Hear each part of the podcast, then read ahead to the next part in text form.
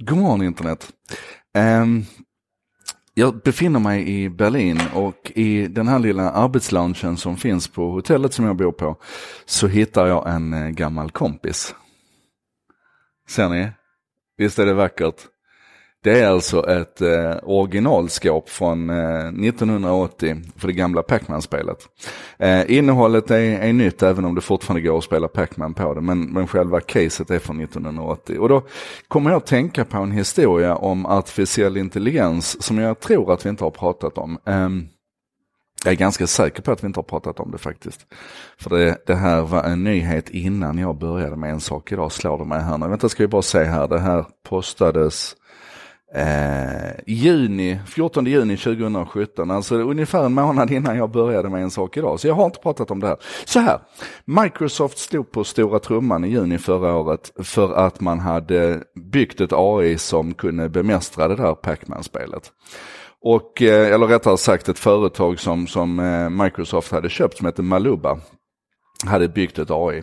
Och det här var lite spännande för att, att Pacman har betraktats som ett väldigt svårt spel att få en, en artificiell intelligens att klara av. Um, man pratar ju om spelträdets storlek och spelträdet är ju då otroligt många gånger större för uh, Go än för schack till exempel. Uh, vilket har lett till att man bedömde Go som ett väldigt svårt spel att, att bemästra. Men fortfarande så är regeluppsättningen för all, för, för Go ganska enkel. Om man jämför med, med regeluppsättningen i det här monstret. För att här finns det ju då bland annat spöken som omedelbart tar livet av dig. Det finns röda och gröna och blå piller som du ska samla på dig och som ger olika effekter och olika bonuspengar och sådär. Så att det finns helt enkelt många, många fler parametrar Även om inte, vad ska man säga, valen som, som eh, eh, som din, din Pacman kan göra är fortfarande ganska begränsade. Du kan gå uppåt och neråt och höger och vänster och så vidare och du kan söka dig till olika delar av spelplanen. Men du måste också ta hänsyn till spöken som omedelbart dödar dig och, och de här belöningarna som du ska samla på dig. Och Det här skapar då en, en, komplexitet och då tyckte Microsoft att här hade man så här, yay vi har naglat det.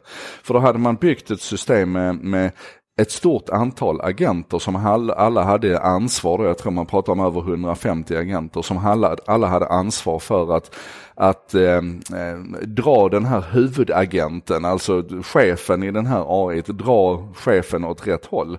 Så man kan säga att om du hade till exempel en agent som, som var värd minus 1000 poäng och som hade koll på spökena, och sen så hade du eh, en agent som var ansvarig för de röda pillerna och som hade ett värde på plus 20 poäng och en som var ansvarig för de blå pillerna som kanske hade ett värde på plus 40 poäng.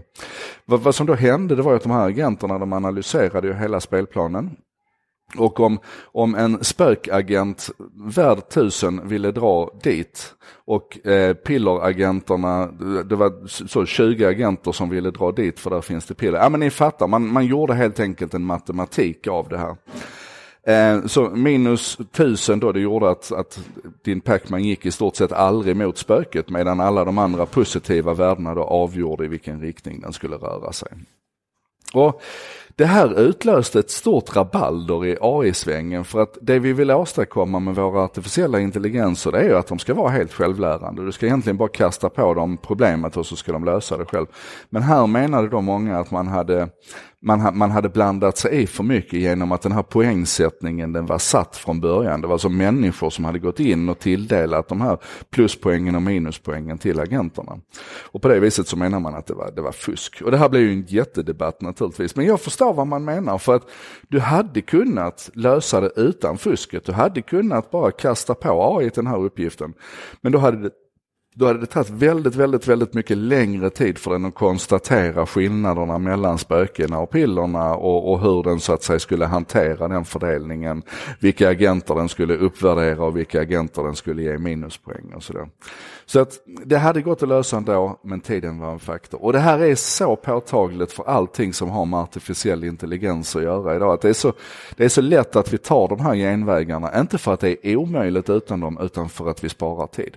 Samtidigt är det här också en, ett, ett plusvärde just nu. Alltså innan vi är riktigt färdiga med den fullständiga generella artificiella intelligensen så är det väl fullständigt lysande om vi kan, om vi kan kapa lite tid genom att kortsluta processen på det viset som man gjorde när Microsoft lärde ett AI att vinna Pacman.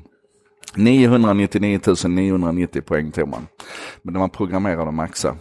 Um, det här var en sak idag med mig Joakim Jardenberg. Jag hoppas du fick lite tankeföda. Nu ger jag mig iväg på en besvärlig resa. Jag flyger till Hongkong ikväll vilket betyder att imorgon bitti så är jag uppe i luften. Och sen så har jag en och en halv tajt dag i Hongkong innan jag flyger hem igen. Så det är inte helt säkert att jag hinner ge dig någon en sak idag innan måndag i nästa vecka. Och, och blir det så blir det kanske lite mer sporadiskt att det inte kommer på morgonen och sådär. Vi får se i alla fall. Men nu drar jag till Hongkong och ses vi inte förr så ses vi på måndag. Ha det så bra.